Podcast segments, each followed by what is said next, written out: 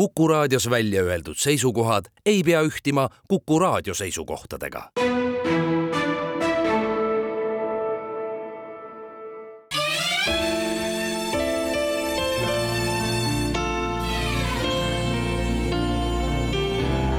nädala raamat. Carlo Rovelli, Helgoland, Postimehe kirjastuselt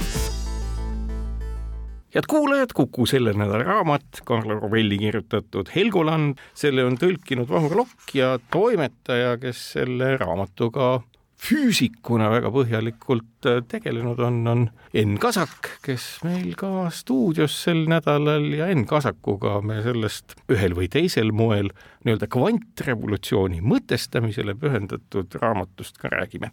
mina olen saatejuht Marek Strandberg ja küsingi, et kas autor Carlo Rovelli on sulle laiemalt ka tuttav, mina pean ütlema, et mina olen lugenud talt täpselt selle ühe raamatu, mille ma veel siis, kui lendamine võimalik oli, lennujaamast soetasin, kuidas sinuga lood on? isiklikult tuttav ta mul ei ole, aga tema raamatuid ma olin küll lugenud ja tema töödega olen ka natuke kursis.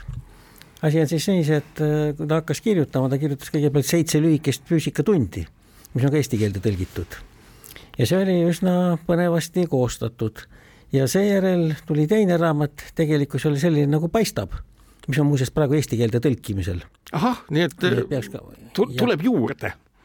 tuleb juurde jah, ja seda, see sai ka läbi loetud, siis oli ajakord, see tõlgiti eesti keelde juba, juba üsna kiiresti on ka ilmunud ja lõpuks siis eh, nüüd see Helgoland, mis siis itaalia keeles ilmus kahekümnendal aastal ja noh, nüüd siis ka eesti keeles et nende raamatutega ma olin tuttav, aga tema töödega selles mõttes ma kvantgravitatsiooniga otseselt teaduslikul tasemel kunagi tegelenud ei ole. küll ma olen aga tegelenud kvantmehaanikaga, et põhjus, miks ma hakkasin rohkem tegelema teadusfilosoofiaga, ongi see, et mulle tegi kogu aeg muret seesama asi, mis Karl Rovellilegi, et et ka kvantmehaanika ja relatiivsusteooria ei taha hästi ühildatavad olla no nüüd, nüüd, nüüd siin ju laiemal plaanil ju räägitakse ala lõpmata, et noh, kohe-kohe me saame siin mingil hetkel lisaks nendele ähm, siis interferomeetritele, mis gravitatsioonilaineid kinni püüavad, ehitada ka kosmosesse veel suurema mõõtmisbaasiga neid ja aimata siis, et missugune meie universumis tegelikult on. See tee on vist veel päris pikk, et aru saada, mis asi on ma, gravitatsioon. ma julgeksin natukene isiklikuks minna mõttes ja, ja öelda seda, et kui ma olin kümneaastane, siis ilmus selline raamat Kunstlik päike eesti keeles, kus oli näidatud põhjalikult, kui varsti saab valmis termotuumaelektrijaam. ja ma olin kindel, et umbes kahekümne aasta pärast on see asi valmis ja nüüd siis hakkan, ma juba olen nii vana, et habe on hall ja otsin auku, kuhu sisse pogida, et mulda peale tõmmata. aga ikka kahekümne aasta kaugusel ja nii on päris mitmete asjadega, Marsi peale lendamine ja mitmed asjad on nii läinud. ja kvantgravitatsiooni lugu on selles mõttes üsna hapu, et äh, reklaamijaid on kõvasti, ega Carlo Rovelli on osav ja kõva poiss, siin ei ole midagi salata, aga praktilisi tulemeid, ütleme, see tema tehtud füüsika ei ole andnud. nii et äh, ütleme nii, et kui tema teooria on väga hästi, kirjeldab niisuguseid noh, põhimõttelisi asju või ütleme, tema ütleb kogu see seoseline kvantmehaanika, siis äh, samas kõige lihtsamat asja, näiteks seda, et mis siis toimub, kui me oleme keset galaktikat, palun kirjelda seda situatsiooni, kas siin on galaktika või siin ei ole. vot siis jääb see täiesti hätta veel. nii et ja karta on, et see läbimurre ütleme siis nii, et see võti läbimurdele ei ole veel käes. see võib vabalt võtta aastakümneid. ja see Helgollandi algus ongi ju meil ühest nagu ma arvan, olulisemast kvantmõtlejast Werner Heisenbergist, kes siis äh, sattuski Helgolandi saarele, mis on erinevate riikide vahel käest kätte käinud, nagu ka võib aru saada lähemalt lugedes. ja sinna ta sattus oma allergiate tõttu, et see pidi olema siis nii-öelda õietolmuvaba, kuna seal väidetavalt on ainult üks puu ja seal sai siis ähm, äh, Heisenberg aega siis mõtlustada selle üle, et äh, mis asi see kvantnähtus oli. ja mõnes mõttes ju Äh, oli ta, vaatamata sellele, et ta oli füüsikateoreetik, oli ta ju hästi huvitav tegelane, ehk et see äh, maatriksmehaanika, mille ta siis seal Helgolandil väidetavalt välja mõtles, on ju nii vahetult eksperimentaalne, et ta isegi ei ta ütles, et kui toimub nii, siis juhtub see ja seda me teame ja seda me näeme ja midagi muud ei ole mõtet sinna vahepeale mõelda. see oli, tundub, et päris revolutsiooniline lähenemine, mis tegi no see oli muidugi loomulikult oli see revolutsiooniline lähenemine, aga ma juhiks ühele asjale tähelepanu veel enne. nimelt, kui me võtame raamatu Tegelikkus pole see, mis praegu paistab, seal räägib ka Rovelli sellest, kuidas Heisenberg äh, nii-ütelda tuli oma kvantmehaanika põhiideede peale, ainult seal on algus hoopis teine hoopis sellest, kuidas ta vaatab ühte suurt paksu meest, kes suures, suures linnas nii-öelda läheb ühe lambi alt teise lambi alla ja on vahepeal kadunud. nii et äh, see lugu ja nüüd see lugu, mida ta räägib Helgolandist, on noh, pehmelt öeldes omavahel vastuolus, see lihtsalt näitab seda, et selline kultuurilooline taust nende probleemide juures ei ole sugugi selge, nii et siin on palju uurida.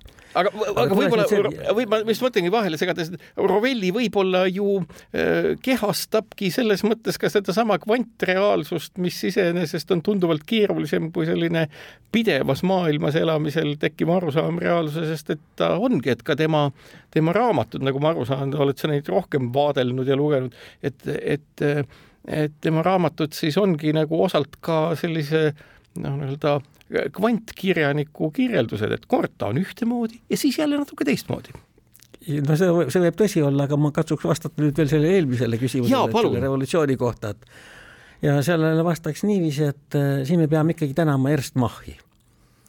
ja siin ei ole midagi teha, noh, selles samas raamatus räägitakse Ernst Machist, selles samas Helgolandis aga mulle endal tuleb meelde, et kui ma pidin veel õppima ülikoolis sellist asja nagu ajalooline materjalism, siis äh, seal see Lenini teos Materialism ja empiriokrititism oli kohustuslik. Ah, mäletan seal... seda, minagi just, just. ja seal sõimati vahetpidamata kedagi mahja, mul tekkis tohutu uudishimu, et kes see mah oli ja mis ta tegi.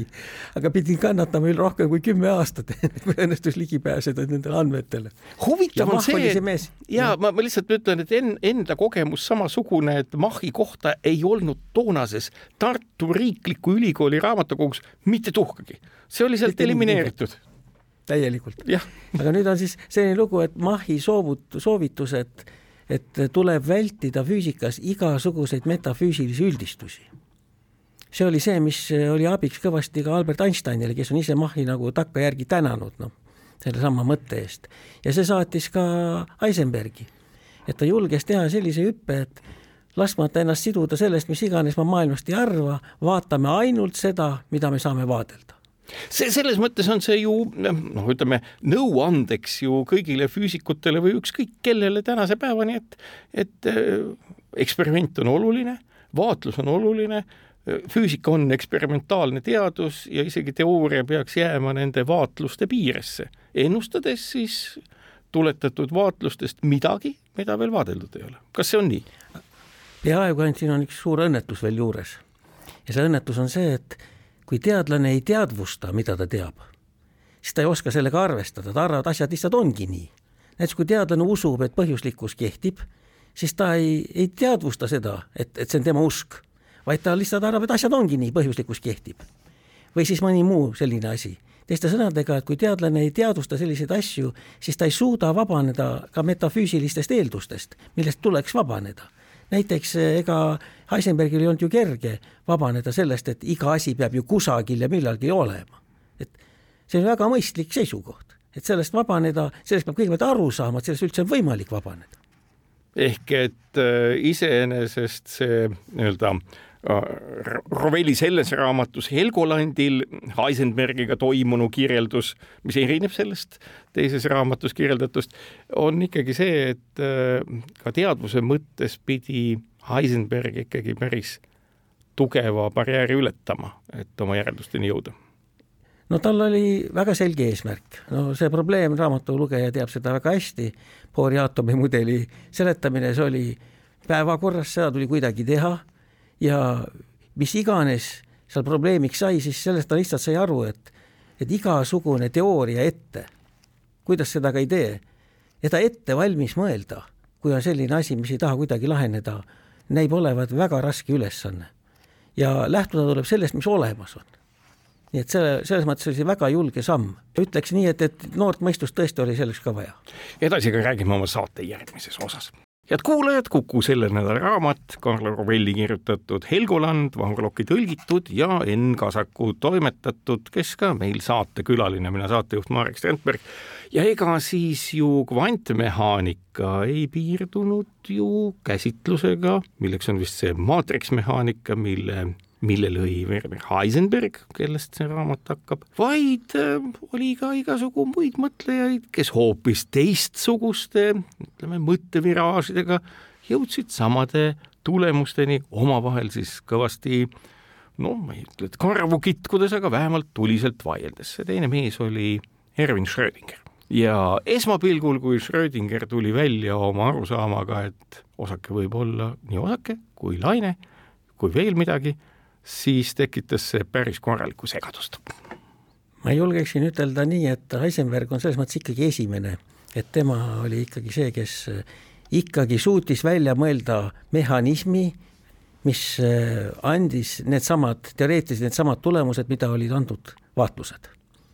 ja just tänu sellele tema edukusele hakati tõsiselt võtma, et äh, tuleb mingit lahendust otsida ja Schrödingeri puhul ma rõhutaks ikka seda külge, et ta oli alguses ikkagi väga laineusku. ta arvas, et asja annab täielikult lainetele üles ehitada ja see oli täiesti arusaadav, sest tolle aja füüsikud olid just jõudnud selgeks õppida Maxwelli võrrandit. ja olid just vaimustuses, et nad on nüüd lainetest aru saanud ja oskasid lainetega hästi ringi käia ja tundus, et see asi on lainete abil võib-olla tõesti seletatav. ja vot selle peale pärast tigedaks saigi, kui, kui siis selgus, et need lained ei tööta lõpuni. nii et ta, ta seda kahetist iseloomu ütleme niiviisi, et äh, seda võime de Broglie'le pigem omistada, seda, seda kahetist iseloomu, tema mateeria laine. aga mitte Schrödingerile? mitte Schrödingerile, sest ta üritas lainetega kõik ära seletada alguses no,. aga hiljem ta oli sunnitud järele andma. no ometi lõppkokkuvõttes ju kõik need äh, teadlased, kes äh, kvantnähtuste üle mõtlustasid, lõpuks ikkagi ju kuidagimoodi pendeldades filosoofilises mõttes ühte ja teise suunda, jõudsid ikkagi samade järeldusteni ja isegi Heisenberg, kes oli ju ülimalt kriitiline sellesama Schrödingeri lainemehaanika suhtes, ju leiti lõpuks selline äh, kokkulepe, mis on ka teaduslik äh, konstanteering mille sisu on siis see, et eksisteeribki kvantmääramatus ehk impulsi ja koordinaadi korrutis. äh, ei saa olla kunagi äh,, kunagi äh, väiksem kui Plancki konstant. Jah, see kokkulepe saavutati, aga teine asi on ka veel, et matemaatiliselt osutusid need teooriad samaväärseteks. ehk kirjeldused on samasugused, jah. lõpp jah, et lõpptulemused on samasugused, nii et see oli paratamatus, millega, millega tuli leppida. Aga nüüd ütleme, probleem sel-, mis seal nüüd juurde tuli, on see, et väga vähesed eh, teadlased on nõus sellega, et, et nad on nagu kingsepad, et õmblevad häid kingi või, või panevad kokku. Nad ikka tahavad asja ka seletada. aga nüüd Heisenbergi tüüpi lähenemine, no muidugi ei tohi, tohi siin Borni unustada, kes oli ikkagi professor ja ütleme, mentor Heisenbergile et eh, nad sisuliselt leidsid, et ei tohigi küsida selliseid metafüüsilisi küsimusi. Sellepärast, et nende metafüüsiliste küsimuste küsimisega hakkas kaasnema uusi probleeme. Ja nõudsid, et tuleb lihtsalt arvutada, kuidas see ütlemine oli, et pea suu ja arvuta. ja nüüd on siis selline olukord, et eh, ütleme, et eh, selle asja üle järele mõeldes, et, miks see nii käib, peab inimene tegema mingeid üldistusi. Ja ma ikkagi tahaksin täitsa noh, teha nagu sellise märkuse, et et eh, kõik need variandid kvantmehaanikast, mis on tekkinud, mõnest teeme ilmselt täna juttu ka natuke vist või? näiteks paljude maa, paljude maailmade esitlus. see põhineb sellele, et Schrödingeril on õigus. tegelikult ongi lainefunktsioon on see, mis kirjeldab kõike ja vaat, ja kui meil tekib selline olukord, et äh, nii-ütelda tekib mingisugune selline tulem, mis võiks olla ka teistsugune, millel on mingi tõenäosus, siis realiseeruvad kõik variandid ja need toimuvad erinevates maailmades ja no. nii edasi, tähendab, ma tõin selle näite sellepärast, et niipea, kui me hakkame otsima seda tüüpi seletusi, nii meil tuleb hakata tegema metafüüsilisi eeldusi. aga kuidas siis on, et metafüüsiline eeldus ei ole teadusartiklis lubatud, aga keegi ju ei saa piirata mõtlemist kui sellist loomingu mõttes kõikidesse valdadesse minevalt, ega ju, kui lugeda Rovelligi kirjeldatud Heisenbergi või ka Schrödingeri peas toimunut, ma ei tea, kas ta siis aimab seda või, või on selle kusagilt nagu ära lugenud, et nii oli, sest need on ju üsna metafüüsilised kogemused, mida, mida nagu analoogia alusel mõeldes inimesed endale ette kujutavad, kui füüsikateooriatega tegelevad. no siin on üks selline asi, et üks asi on see, mida inimene ise ette kujutab. Ja teine asi on see, et mis tohiks panna artiklisse ja just muidugi seda sa ütlesid täiesti õigesti, et kuna artiklisse ei tohiks panna selliseid kaalutlusi, siis põhimõtteliselt kvantmehaanika üle nii-öelda targutamine oligi teisejärguline tegevus. tollel ajal, kui mina hakkasin asja vastu huvi tundma, siis oli nii, et ükski korralik füüsik kvantmehaanika probleemidega ei tegelenud. ja seda, seda lihtsalt, seda lihtsalt välditi, sest seda tõesti ei saanud panna teadusartiklisse korralikult. aga häda on selles, et seda tuleb teha me ei, me sellest ei saa mööda, ütleme nii, et äh, kvantmehaanika oli kaua aega selline no küllaltki spetsiifiline teadus, ta kirjeldas selliseid no aatomite liikumist või aatomite toimimist ja ja muud taolist, aga tavainimest paistis, et see palju ei puuduta. nüüdseks on olukord absoluutselt muutunud. Kui praegu lugeda näiteks teadusuudiseid füüsikas, siis praktiliselt noh, ma ei oska just öelda, et kas just viiskümmend protsenti, aga aga sinnakanti on uudised kvantmehaanikasse puutuvad nad hakkavad meie igapäevaellu sekkuma igatpidi. tähendab, need probleemid tuleb lahendada, me ei pääse sellest puu taha ka mitte. nii et see paratamatult nüüdseks on muutunud tõsiseks võetavaks. aga tollel ajal ma kindlasti tahan tuua näite Einsteiniga sisse. tead, et Einstein, Einstein oli väga äh, tubli igas mõttes, et küll arvutas ta aatomi läbimõõdu esimesena välja ja küll, küll ta selle fotoefekti seletas ära ja, ja relatiivsusteooria leiutas mööda minnes ja ja siis, kui Einstein hakkas vaidlema Bohriga kvantmehaanika aluste üle, siis sellele on külge kleebitud ja ma tean seda sellepärast hästi, et ka mina olen selle vea teinud. seda, et Einstein oli kaotaja vaidluses Bohriga kvantmehaanika aluste üle. sellepärast, et Einstein ei olnud nõus vot selle tõlgendusega, mida siis Bohr ja Heisenberg ja kogu see seltskond siis tegid. ja vai-, üritas sellega vaielda ja ta tõesti ei osanud selle vastu vaielda, selles mõttes ta ei saanud hakkama, aga see tema probleem, mille ta püstitas, oli seesama, katsuda aru saada, kuidas kvantmehaanika toimub.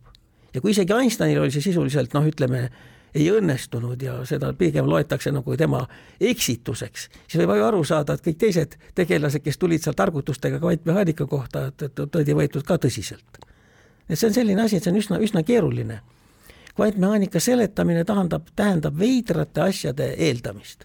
ja nende veidrate asjade eeldamine, see vajab väga tugevat põhjendust. keegi seda jama ei usuks, kui see ei töötaks ometi see töötab, me teame kõikvõimalikke masinaid, seadmeid asju, mida me igapäevaselt kasutame ja mis nendel veidratel asjadel ju just baseeruvadki ja isegi lausa vastupidi, kvantmehaanika on täiesti ainukene füüsikateooria, mis pole mitte kunagi eksinud. kõikide teiste puhul võib vaidlustada, aga kvantmehaanika puhul ei saa seda vaidlustada. edasi räägime aga oma saate järgmises osas head kuulajad, Kuku selline raamat, Karl Orwelli kirjutatud Helgoland, kvantrevolutsiooni mõtestamine, mille on tõlkinud Vahur Lokk ja toimetanud üliheaks tekstiks Enn Kasak, kes ka meil stuudios.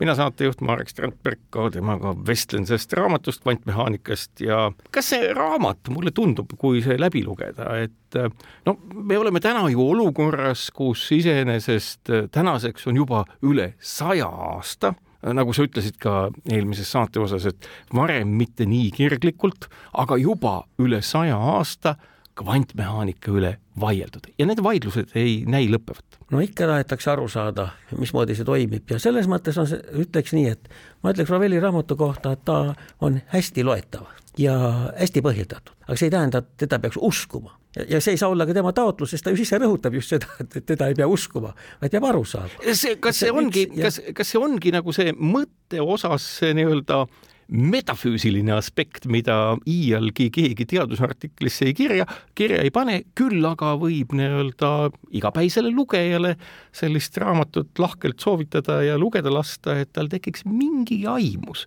mida müstilist see kvantmehaanika puudutab? no teadus ei ole ju ainult artiklid, teadus tähendab ikkagi mingit tegevust, mille tulemuseks on siis artiklid. Ja täpselt nii nagu ainult vaatlusandmete põhjal on raske arvata, mis tegelikult toimub, täpselt nii on väga raske aru saada, mis teaduses toimub ainult teadusartiklite põhjal, vaid üldiselt peab hästi tundma ka köögi poolt. ja vot seda köögi poolt on Rovelli toonud selles raamatus ka üsna hästi esile. Ta on seda, ta on seda niiviisi mitte liialdades, aga niisugused aspektid on välja toonud, et kõik need mured ja kahtlused ja esimene asi on ikkagi kahtlus, kahtlus selles mis, mis tundub, mis tundub, mis tundub õige olevat. aga nüüd, mis puudutab seda küsimust, et nendes raamatutes ta toob väga häid näiteid, sest et hea, headest kvantmehaanikaid, kvantmehaanikat populariseerivatest raamatutest oli suur puudus ja mõningaid katsedki ja need, mis ta seal kirjeldab, need on, need on hästi muljetavaldavad ja neist on võimalik kergesti aru saada ja mõndagi on võimalik ka korrata. Ja selline asi on, et mõned asjadega peab lihtsalt harjuma. no näiteks sellesama relatiivsusteooria teo-, seisukohaga, et valguse kiirus on piirkiirus, kiiremini liikuda ei saa, sellega lihtsalt tuli harjuda. alguses tundus see väga veider ma pean siin tegema ühe märkuse, et, et tihti räägitakse, nagu klassikaline füüsika oleks mingisugune noh, Laplace'i teemani poolt nii-ütelda paika pandud asi, et äh, kõik põhimõtteliselt on kõik välja arvutatav ja kõik väga täpselt määratud. see ei ole tõsi, sellepärast et äh, ta lubab lõpmatuid kiirusi ja kui ta lubab lõpmatut kiirust, siis tähendab, et lõpmatult kaugelt, lõpmatus universumis võib alati hüpata mingi objekt lõpmatu kiirusega sisse ja olukorda kardinaalselt muuta. ometi ma hakkan nagu siinkohal jõuan sinnamaani Einsteinist natukene, et see, see avastus, mida selle raamatu lugemisel võib teha, on see, et ta oli uskumatult helde teadlane ja selles mõttes üsna kompromissitu, sellepärast et tuleb välja, vähemalt Carlo Rovelli väidab seda, et Einstein oli see inimene, kes kõikidele nendele kvantmehaanika arendajatele tegi ettepaneku Nobeli preemia anda.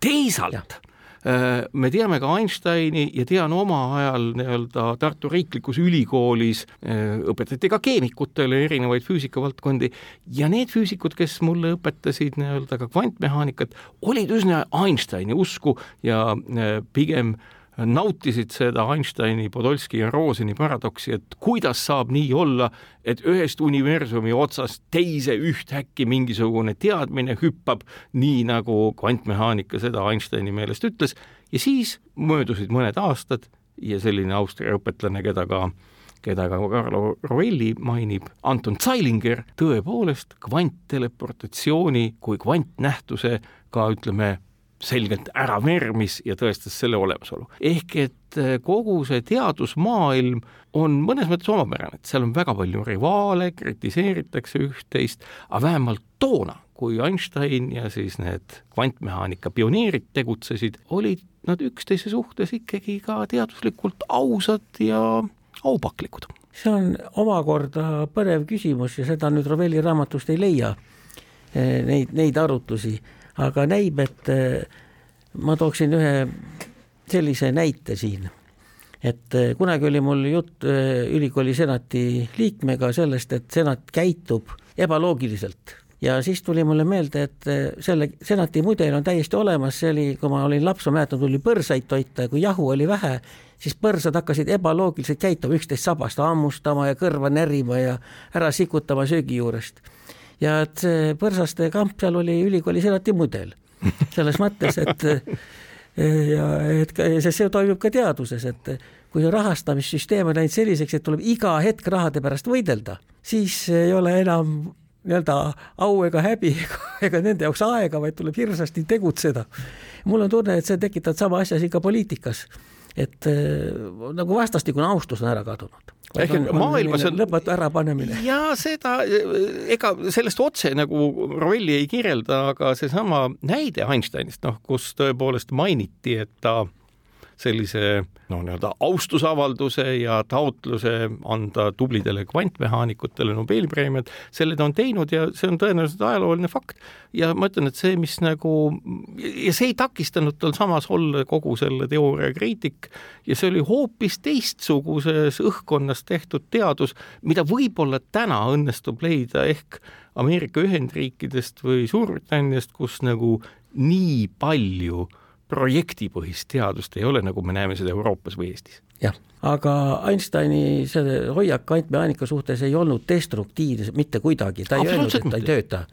Ta, aga ta oli destruktiivne selles osas, et ta ei olnud nõus, seletustest loobumisega ei olnud esiteks nõus ja teiseks ei olnud ta seletustega nõus. et need seletused, mis anti, need olid vastuolus tema arusaamadega. Ja seesama kaugmõju oli ikka asi, mille, mille pärast eh, nii-ütelda üldse üldrelatiivsusteooria ju tehti lõppude lõpuks et ei oleks mingit lollakat kaugmõju, see, mis Newton Newtoni omal ajal juba vihastas, Newtonit. ja et äh, nüüd on äkki selline asi, et see kaugmõju, millest Einstein arvas, et on lahti saadud, et see tuuakse äkki jälle sisse no ta tuuakse ja. ju sisse kasvõi sel moel, et reaalsed masinad, milleks on kvantarvutid, töötavad selle peal, Zeilingeri ja. loodud informatsiooni edastamise süsteemid töötavad selle peal, kvantkrüptograafia töötab selle peal, ehk et need on ikkagi katsutavad objektid, mis seda Einsteini poolt raskelt arusaadavat ja ma arvan, et ta surmatunnini vist ei mõistnud seda, et mingi mõju võib hetkeliselt hüpata ühest kohast teise, et see on olemas. ja võimalik, et see nii on, aga me ei saa selles ikkagi veel kindlad olla isegi kui me meile... oleme ehitanud masinaid ja kasutame neid. no aga näiteks Aristoteles oli täiesti veendunud selles, et valguse kiirus on lõpmatu. vastasel juhul ei oleks ju nii, et päike tõuseb mäe tagant üles ja oleks pauguga no, kogu org valge, et siis peaks ju näha, kuidas valguslaine liigub teiste sõnadega, et pole välistatud, et need nii-ütelda kollapseerumise kiirused ei ole lõpmatud vaid on ka lõplikud, aga lihtsalt suuremad kui valguse kiirus. see on Nii. muidugi väga hea hüpotees selles mõttes, et kõik on ju mõõtmiste taga, et meil täna ei ole masinat, mis näitaks, et asjad on teistmoodi. just, et mulle on alati meeldinud tuua näidet, et et omal ajal, kui tehti näiteks soojusvedeliku teooria, siis see oli väga hea teooria, väga hästi praktikaga kooskõlas, eksperimendid töötasid, kõik oli hästi, tema ainus viga oli see, et ta oli täiesti vale. Seda on, seda on teaduses ilmselt ennemgi ette tulnud, et on mõned asjad, mis on väga head, aga täiesti valed jah, aga pole välistatud, et ka lõppude lõpuks needsamad asjad, me nüüd töötasime, aga lõpuks keegi saab jälle näidata, et tegelikult on nad täiesti valed. et nagu pole olemas soojusvedelikku, vaid on hoopis molekulide liikumise nii-öelda ruutkeskmise kiiruse funktsioon, et pole mingisugust kuuma ega külma, nii edasi. et sama asi võib juhtuda ka siin, ma lihtsalt tahan rõhutada, et me ei saa öelda, et, et Einstein kindlasti eksis, me saame ainult öelda seda, et, et tema püüdlus sellele et oma üldredaktiivsusteoorias tuletatud mõju lokaalsust nii-öelda pidada loodusreegliks, eh, on, on arusaadav, aga et eh, me ei saa väita, et see on nüüd sada protsenti tõestatud, et, et sellest on, sellest on üle, üle saadud, ütleme siis niiviisi. aga edasi räägime oma saate järgmises osas head kuulajad, Kuku selle nädala raamat, Karl Rovelli kirjutatud Helgoland, kvantrevolutsiooni mõtestamine, Mahurloki tõlgitud ja Enn Kasaku toimetatud, kes ka sel nädalal meil saates külas, mina saatejuht Marek Strandberg, temaga sel teemal kõnelen raamatust. üks huvitav asi, millega Rovelli välja tuleb, ma ei ole selle peale mõelnud isegi varem, kui ma seda raamatut lugesin, siis see oli minu jaoks üllatav kohtsääl ehk et ta seob ära sellesama kirutud terrorist Vladimir Lenini äh, sellesama Ernst Machiga moel, mida me kumbki, eks ole, Tartu Riiklikus Ülikoolis õppinutena mäletame, kuidas äh, mis iganes ajaloolise või teadusliku kommunismi või mille iganes raames tuli lugeda Lenini teoseid ja ühte huvitavamat, jutumärkides muidugi nende hulgas, imperialism ja impeeriokrititsism kus äh, tõepoolest äh, Uljanov Lenin sarjab kedagi mahhi, nii et vähe pole. ja Rovelli annab selles raamatus sellele protsessile tähenduse ja tekitab tegelikult lugeja jaoks üsna huvitava nagu rööpmaailma, kus ei ole niimoodi, et teadus areneb omasoodu ja ühiskondlikud protsessid omasoodu, aga see kajastab veel kord seda, kui jõhker oli mõnes mõttes nii-öelda see Vene kommunism, mis Nõukogude Liiduga päädis, kus isegi väikene kild selles suunas, et midagi võib olla mittemateriaalne, mittekatsutav ja mittehammustatav ja mittetõstetav ja mutta loobitav, äh, on juba ohtlik ja see, see, see võrdlus oli päris huvitav. no see element, et materialism on üldse väga võluv selles mõttes, et ta annab inimesele kõiki teadmise tunde. inimene on materialist, siis on tal tunne, et, et universumi põhiolemus on talle arusaadav ja lisaks sellele on veel selline asi, et ta on sellest ka teadlik. ja nüüd, kui mingisugused asjad ei olegi veel arusaadavad, siis need on pisiasjad, mida aja jooksul muutuvad arusaadavateks. või siis teiste sõnadega, universum ongi nii lihtne, et sellest arusaamine ei olegi väga keeruline ja vot selle, see on äh, hästi vastuvõetav laiade hulkade poolt, sellepärast et äh, nad tahavadki selles küsimuses kindlust ja selgust. kusjuures ma just mõtlen selle peale, et ega ju kvantmehaanika, mida ja kogu see nii-öelda teistsugune filosoofia, mida Lenin siis ka siis oma mingisuguse kunagise võitluskaaslase, kes tema vaenlaseks oli osutunud puhul ju kritiseeris ja mis Ernst Machist lähtusid ega ju kvantmehaanika olemus ei ole ju mittematerialistlik, kui nii objektiivselt öelda, et see on ikkagi osa ju meie maailmast, küll mitte nii-öelda vahetult kombatava või hammustatava, vaid muude asjade kaudu, näiteks väljade kaudu või lainete kaudu.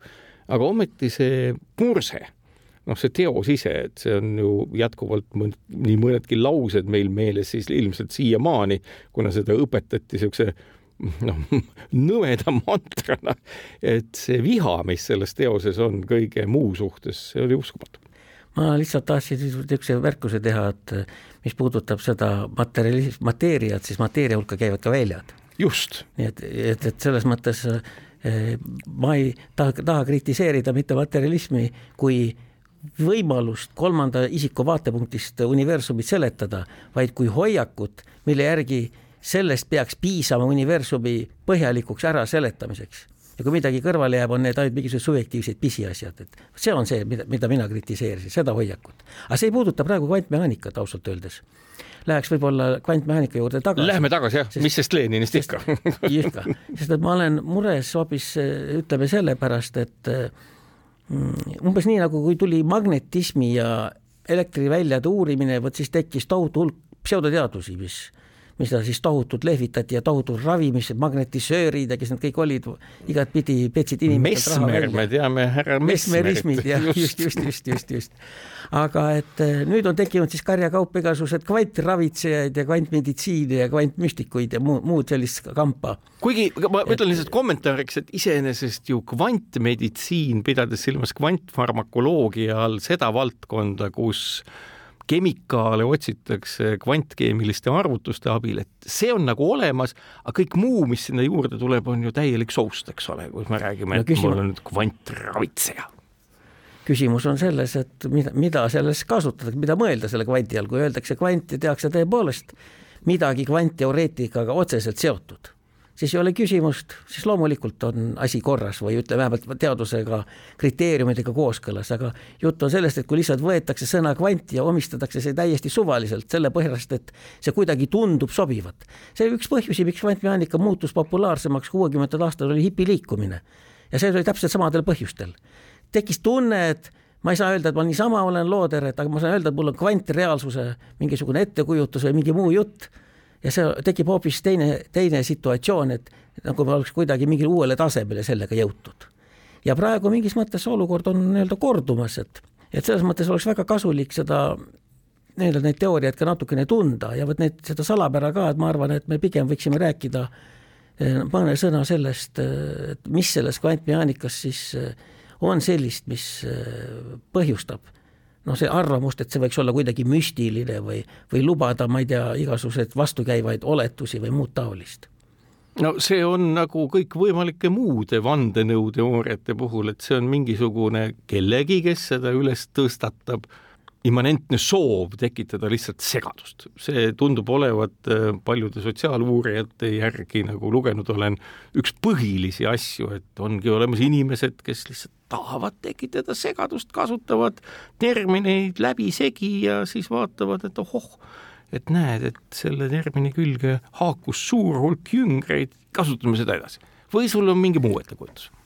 et ma tahaks rääkida lihtsalt natuke teisest asjast, aga selle kohta ütleks nii palju, et eks siin on ikka seesama igatsus eh, nii-ütelda asi ära nimetada kuidagi, et millest aru ei saa, kui sellele panna mingi nimetus, siis tekib tunne, et ma olen sealt kuidagi aru saanud et äh, ütleme nii, kui keegi näeb mingit objekti lendas, mida ta ei oska kirjeldada ja üks ütles, et pisuänd lendab, oli asi ära seletatud, teine ütles, et ufo lendab, on asi ära seletatud. et aga see ei ole jälle põhiteema, et ma tahaks ikkagi minna kvantmehaanika juurde. aga palun. ja oleks, oleks selline asi öelda, et me juba rääkisime ka sellest, et kvantmehaanika nagu tundub olevat terve mõistusega vastuolus, aga Einsteini see relatiivsusteooria oli ka terve mõistusega vastuolus, et mingisugune kiirus on äkki piir, kust enam kiiremini ei saa ja sellega peab harjuma. Ja mul on tunne, et äh, võib-olla ei olegi halb, kui sellest nii palju räägitakse, et ehk nii-ütelda laiemad massid harjuvad kvantmehaanikatega piga, pidama selliseks noh, ütleme kohalolevaks fenomeniks, mida ei ole vaja arvata, et see puudutab ainult pisiasju, sest mul on siiamaani meeles, kui ma olin aspirantuuris, mis siis tänapäeva mõttes tähendab siis doktoriõppes ja meil oli üks selline väike konverents, kus me pidime rääkima, mida huvitavat keegi on kuulnud. ja mina rääkisin Belli võrratustest ja Schrödingeri kassist ja see ei huvitanud kedagi. mitte kedagi? kõik leidsid. aasta oli siis? Äh, see oli nelikümmend aastat tagasi ja ma kirjutasin muuseas Tähetorni kalendrisse tol ajal artikli ka Schrödingeri kassist, see vist esimene eesti keeles ilmunud artikkel sellel teemal ja meie seltskond leidis, et jaa, jah, muidugi teil seal on mingisugused targutused, aga see pole üldse põnev, et no räägime ikka põnevatest asjadest. Et mul on hea meel, et ütleme nii, et, et, et probleemid on nüüd natukene igapäevasemaks muutunud. ja keegi aga ei käsitle see... seda kui kummalisust sellest üldse rääkida. milles, milles üldse meisse ei puutu teiste sõnadega, et kus nüüd kvantmehaanika on igal pool tarvis, isegi meie lambid, LED-lambid ei oleks ilma kvantmehaanikata valmis saanud me otseselt sellega kokku põrkume, nüüd on hoopis teine olukord tekkinud. aga mida me ikkagi ei saa kuidagi üle ega ümber, on see, et tõepoolest, mille üle me ei vaidle, on see, et kvantmehaanika töötab. Mille üle me ei vaidle, on see, et need, kes viitsivad vaeva näha ja kes on selleks võimelised, võivad arvutada välja häid tulemusi. ja nüüd ikkagi on vaja seletada, mis juhtub, sellepärast üks on selge, et üldrelatiivsusteooria ja kvantmehaanika oleks vaja kooskõlla viia. me ei pääse sellest üle ega ümber, seda oleks vaja teha ja selle juurde ei paista olevat ühtegi teist teed, kui seda siiski seletama hakata kusagilt otsast. ja vot sealt tulevadki need nii-öelda need kvantmehaanika tõlgendused. Ja vot need tõlgendused enamasti sisaldavad siis väga veidraid eeldusi. ja need ongi need, mis siis nii-ütelda kultuuriinimestele tihti muljet avaldavad ja siis kaasa kisuvad. kõik need paljud maailmad ja muu taoline. aga edasi räägimegi oma saate järgmises ja viimases osas head kuulajad, Kuku nädala raamatuks Helgoland kvantrevolutsiooni mõtestamine kirjutanud Carlo Rovelli ja Maur Lokk tõlkinud ja Enn Kasak väga hästi selle loo ka eesti keeles toimetanud, mina saatejuht Marek Strandberg ja jõuamegi sinna, et noh, raamat on üsna õhuke, neelatav poole päeva või kahe õhtuga, aga Enn, mis sulle tundub, kes on selle raamatu võimalik lugeja, noh, see Rovelli nii-öelda äh, saan aru, sellise, sellise haridust propageeriva ja mõtlema ergutava inimese teos on seal mingeid vanusepiiranguid, on seal mingeid eeldusi, mida on vaja selleks, et seda raamatut lugeda? ei, ma ei usu väga, ma arvan, kui mina oleks põhikoolis sellise raamatu kätte saanud, ma oleks olnud vaimustunud, sest et tollel ajal oli Harri õiglase vestluse relatiivsusteooriast vist ainuke raamat, mis oli teismelisele kättesaadav ja, ja loetav ja ma olin tollest raamatust väga vaimustunud. nii et kindlasti ma usun, et ka juba mõned põhikooli inimesed võivad seda vabalt lugeda, kes tunnevad huvi selle vastu, kuidas asjad tegelikult on või mis maailmas tegelikult toimub. ma saan aru, et ka samamoodi siis ütleme muu rahvas, kes võib-olla on ka kuulnud poole kõrvaga, et näe, kvantravitseja aitab ja mis iganes. see raamat annab ikkagi inimesele ettekujutuse sellest, mida kvantmehaanika päriselt puudutab ja millised probleemid seal päriselt on, ehk et see annab ka võimaluse, nagu sa eelmistes saate osades oled paar korda öelnud, et nagu loobuda mingisugustest äh, ütleme, metafüüsilistest arusaamadest. ja ikkagi ka see konstruktsioon, mille Rovelli pakub välja selles raamatus, on muljetavaldav. ma siin natukene võib-olla nurisesin kallal, et äh, konkurendid ei ole temaga alati nõus, aga me ei pea neid konkurente isegi esialgu tundma, me saame neid hiljem lugeda. kui Rovelli hakkab rääkima sellest, et äh, olemas on miski ainult siis, kui ta midagi mõjutab, sest kvantmehaanikas on ju põhiprobleem see, et kes on see vaatleja, kes vaatleb sündmusi, kes ta selline on ja kas siis igal pool on mingid vaatlejad? Ja siis võtta selline hoiak, et aga vaatleja on iga objekt, mis teise objektiga suhtleb. Ja nüüd Rovelli toob väga hästi ära. Üks üsna vähetuntud lõik Platonist, Platoni sofistist, kus siis nii-öelda Sokrates vaidleb. Nimetus sofistiga, ei tohi unustada, et sofistid on tol ajal nagu firmamärk, tähendab, et mitte eelealasega, nimeta eelealasega. ja, ja ta on siis eh, firmamärk, sest Eelea saarel olid targad filosoofid ja ilmne on see, et, et sellist filosoofi ei olnud kunagi, et selle mõtte peab olema Platon vist ikka ise välja mõelnud, kus siis lõpptulemusena öeldakse, et kui miski üldse olemas on, siis ta on ainult sedavõrd olemas, kuivõrd ta suhtleb kellegi teisega, suhestub millegi teisega. ja see, see mõte tuleb välja, et on üsna vana ja kui nüüd niiviisi minna, siis me jõuamegi nii kaugele, et me ei peakski küsima seda, et kus mingi elektron asub vahepeal, enne kui ta jälle hüppab kuhugi, vaid ainult seda küsimegi, et mis toimub siis, kui nad hüppavad ja kas ta vahepeal üldse olemas on. ja siit me jõuame ühte väga huvitavasse filosoofiasse, seda tuntakse protsessi filosoofiana. Whitehead on seda kõige rohkem arendanud, kus võiks ka ütelda nii, et mitte asjadel ei ole omadused, mitte nagu Aristoteles ütles, et on olemas substants, millele saad omistada omadusi, vaid vastupidi, omadustel on asjad et ühesõnaga omadused avaldavad ennast sündmustes sinna tekivad asjad. ja kui sellise nurga alt hakkab Rovelli asja seletama, siis muutub kõik üsna loogiliseks. Kaob ära vajadus väga selliste eksootiliste eelduste järele, sest ega see universumite paljundamine ikka lihtne asi lugu ei ole ausalt öeldes kujutad ette, et iga valik põhjustab kohe tohutult universumite tekkeid. ja sellega Rovelli annab ikkagi väga sellise hea selgituse, kuni siis selleni välja, et ta seletab ka ära aja, aja ebareaalsuse problemaatika ja ruumi ebareaalsuse problemaatika. ja see on? no aja ebareaalsuse kohta võiks küsida nii, mulle meeldib nii küsida alati, et kui aega ei ole, miks mul siis aega ei ole? Ja et siis ütleks nii, et Rovelli näitab väga hästi ära selle, et miks mulle ikkagi näib, et aeg on kasulik parameeter, no ühesõnaga, et, et et on vajalik ja tarvilik mulle endale ja miks ometigi füüsikalises mõttes võib selguda, et, et sellist fenomeni, sellist ajajõge ei ole, mis voolab kusagilt, mis teiste sõnadega tähendab ka seda, et ajamasinaid ei saa ehitada ja muud taolist, sest pole sellist telge, mida mööda kõik voolab, vaid kõik punutakse mingis ketis kokku.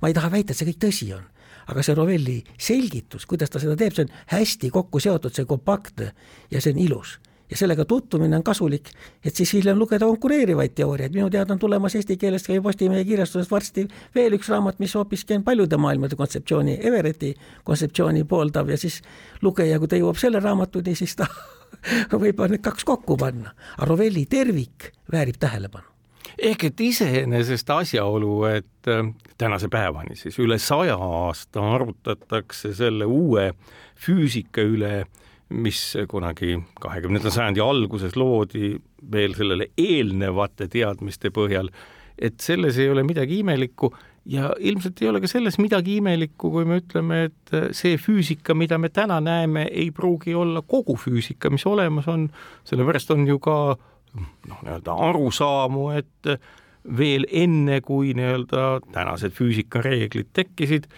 oli siis äh, universumi tekke käigus veel mingeid füüsikareegleid, millest meil aimugi ei ole ja me isegi ei tea, kas nad tänase päevani kehtivad või mitte. no siin on alati olemas võimalus, et mõned äh, reeglid lihtsalt ei kehti väga väikeses mastaabis või ei ole märgatavad väga väikses mastaabis.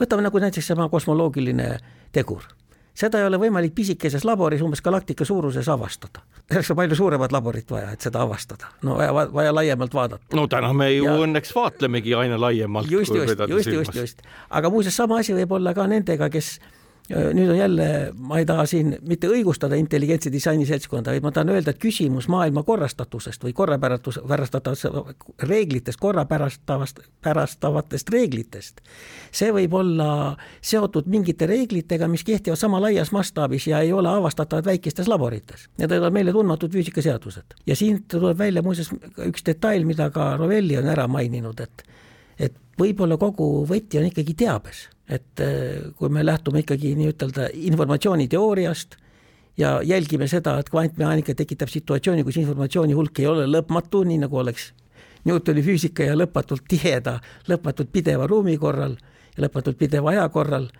Ja kui need seisundid ei saa olla lõpmatult, vaid on mingisugune kogus alati või nad on diskreetsed ja, ja näib, et informatsiooni kogu hulk on piiratud, need on jääv ja see nagu viitaks kui pahad, ütleme, niisugused kurjad keeled võiks öelda, et see viitab seda, et meie universumit simuleerivate masinate mälumaad on piiratud. no aga põhimõtteliselt ju selle peale ju see raamat ka alguse saab, kus noor Heisenberg pagedes, pagedes siis ähm, allergiate eest Helgolandile enam-vähem selle konstanteerimisega ka alustab, et me näeme, et on mõju, selle reaktsioon on kui tabelisse kirjutatav väärtus ja seda on põhjust vaadelda ja nii maailma kirjeldada.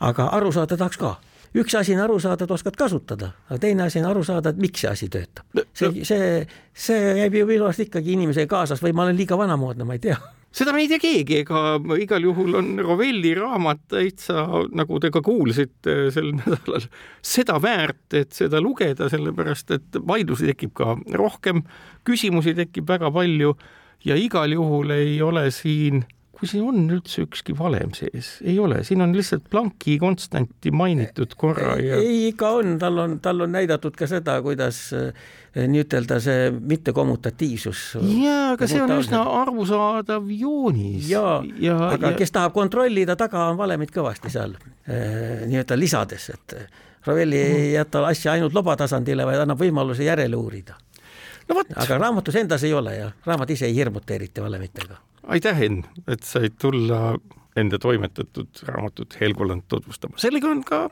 nädalaraamatu saade läbi ja kuulake meid ka edaspidi ja kaunist päeva teile.